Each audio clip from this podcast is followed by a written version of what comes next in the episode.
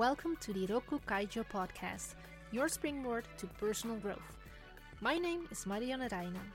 I am your host during this journey. In the last episode, we have discussed planning and structure. One of the podcast listeners sent me the following message. So I set up a planning. I went to bed early, woke up early, got my exercise, took a shower, had a healthy breakfast, all set for the day. But after two hours, I was totally demotivated. And I do like the company I work for. I do like my colleagues, but every now and then I just get lost in demotivation. It is bothering me. I really don't know what to do. We all have to deal with some demotivation from time to time. But what to do when you're demotivated at work? How to get things done anyway? As mentioned earlier in episode 24 on resilience and motivation, Peter Bregman, CEO of Bregman Partners, states When you think about it, we really only need a few short moments to be motivated. In between those moments, momentum, habit, or unconscious focus takes over. Using effective rewards and exploiting the influence of others were suggested as two useful strategies to keep going. Research shows that when demotivation impacts your structure, for example, because you are procrastinating, it is wise to create the impossible game or to focus on serving others. In this episode, we are going to zoom in on that last approach, focusing on how your job helps other people. Several studies have shown that service to others is key in creating meaning and purpose in one's life. John Coleman, writer for Harvard Business Review, states, and I quote, When we serve others, we feel more fulfilled, happy, motivated, and engaged. Our opportunity is to reconceive of our work as service and to help our colleagues and employees do the same. This change in mindset can be transformational. End of quote.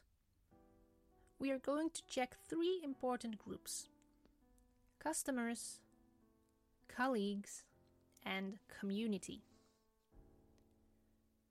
1. Customers.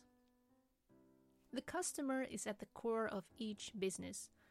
Without clientele, no thriving business. How your job helps other people? Try to see through the actual activities and see what the impact is on the customer. For example, the difference a product makes in their lives. 2. Colleagues. Try to treat your colleagues the same way you would serve your clients. Express gratitude. Give sincere compliments. Shift from self centeredness and competition to encouragement and support. How your job helps other people this could positively impact your professional relationships, which might contribute to the success of the company. 3. Community. Every business exists within a community, albeit a city, a town, or a neighborhood. How your job helps other people?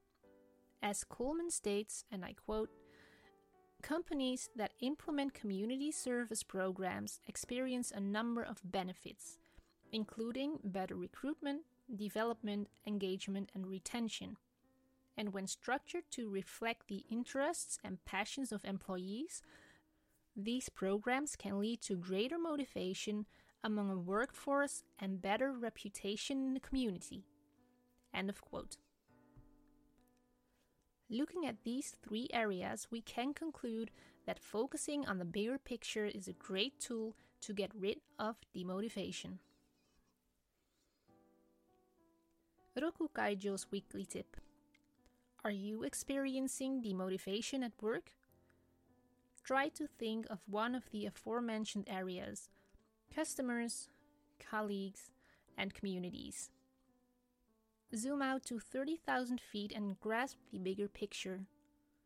Focus on the benefits others might reap because of your contribution. and then focus on how that makes you feel. Let me know how that worked out for you. Thanks for listening to the Rokku Kaijo podcast. Tune in every Thursday for a new episode. More information and the latest news can be found on the website rokku-kaijo.com.